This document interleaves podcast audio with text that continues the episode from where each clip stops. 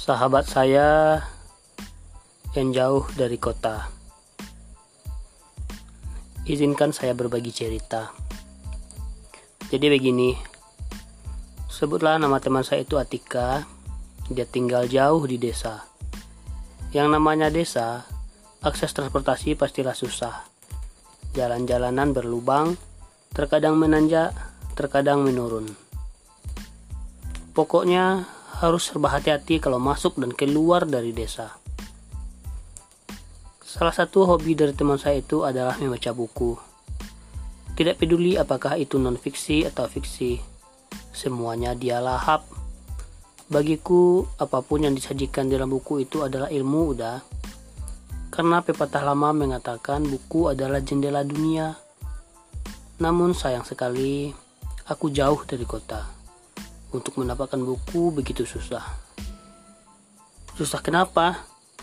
Kan tinggal pergi saja ke kota untuk membelinya. Atau coba saja belanja online.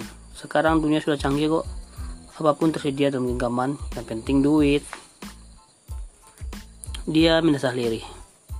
Bukan aku nggak mau belanja online udah. Coba udah bayangkan, harga buku 50 ribu, ongkirnya 60 ribu. Bukannya itu sangat merugikan. Aturan bisa beli dua buku itu udah Wajahnya terlihat memelas. Aku jadi kasihan sekali. Memang begitulah dilemanya kalau tinggal jauh dari kota.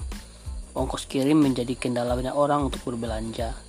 Harga produk tidak seberapa, tapi ongkirnya bikin gila. Aku mendehem sejenak, membersihkan kerongkonganku yang terasa kering. Sebenarnya kalau untuk buku pun gak ada masalah loh kalau kamu mau beralih. Dia mengejekkan dahi. Beralih gimana maksudnya udah? Gini, jika selama ini kamu terbiasa membeli dan buku fisik, coba deh sekarang ganti ke dalam bentuk buku digital atau dikenal dengan nama e-book. Di luar negeri sana, keberadaan e-book sudah sangat biasa dan mampu memenuhi kebutuhan orang yang susah mendapatkan buku. E-book? Adakah buku seperti itu? Udah, tanyanya tidak percaya. Ya adalah. Seperti kamu ketahui, aku kan juga suka nulis nih. Nah, berapa kali aku itu aku jual dalam bentuk e-book Tujuanku sih agar memudahkan siapa saja di Indonesia ini untuk mengakses karyaku. Karena aku yakin tidak semua orang sanggup membeli buku dan membayar ongkos kirim yang lebih mahal daripada buku itu sendiri. Wah, aku baru tahu hal semacam itu udah. Prosesnya bagaimana? Wajahnya terlihat sangat antusias, akan-akan menemukan suatu metode yang selama ini dia impikan. Aku tertawa geli melihatnya. Gak susah kok.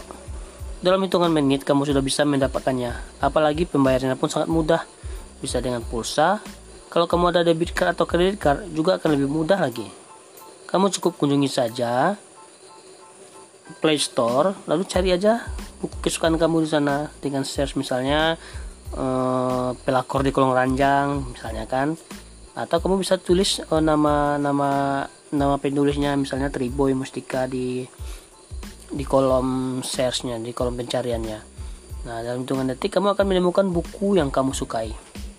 Lalu ikuti step by stepnya. Dalam hitungan menit kamu sudah bisa membaca buku atau novel yang kamu inginkan. Atika benar-benar tidak menyangka akan semudah itu mendapatkan buku atau novel. Dia mengucapkan terima kasih karena informasi yang kuberikan. Seminggu kemudian kami bertemu lagi. Dengan bangga dia memperlihatkan koleksi e-book yang ia miliki. Ini benar-benar sangat hemat udah. Buku yang harganya ratusan ribu di toko buku di sini jauh lebih murah. Coba udah lihat. Aku tidak pernah menduga akan bisa meng mengkoleksi begitu banyak novel luar dan dalam negeri. Terima kasih banyak karena udah telah membukakan jalan bagi saya untuk memburu banyak bacaan menarik di dunia ini. Selain hemat uang, juga hemat tempat udah. Andai aku beli buku fisik, pasti deh banyak banget raka yang aku butuhkan untuk menyimpannya. Aku ikut bangga melihat antusiasme Atika dan membaca dan mengoleksi buku-buku berkualitas.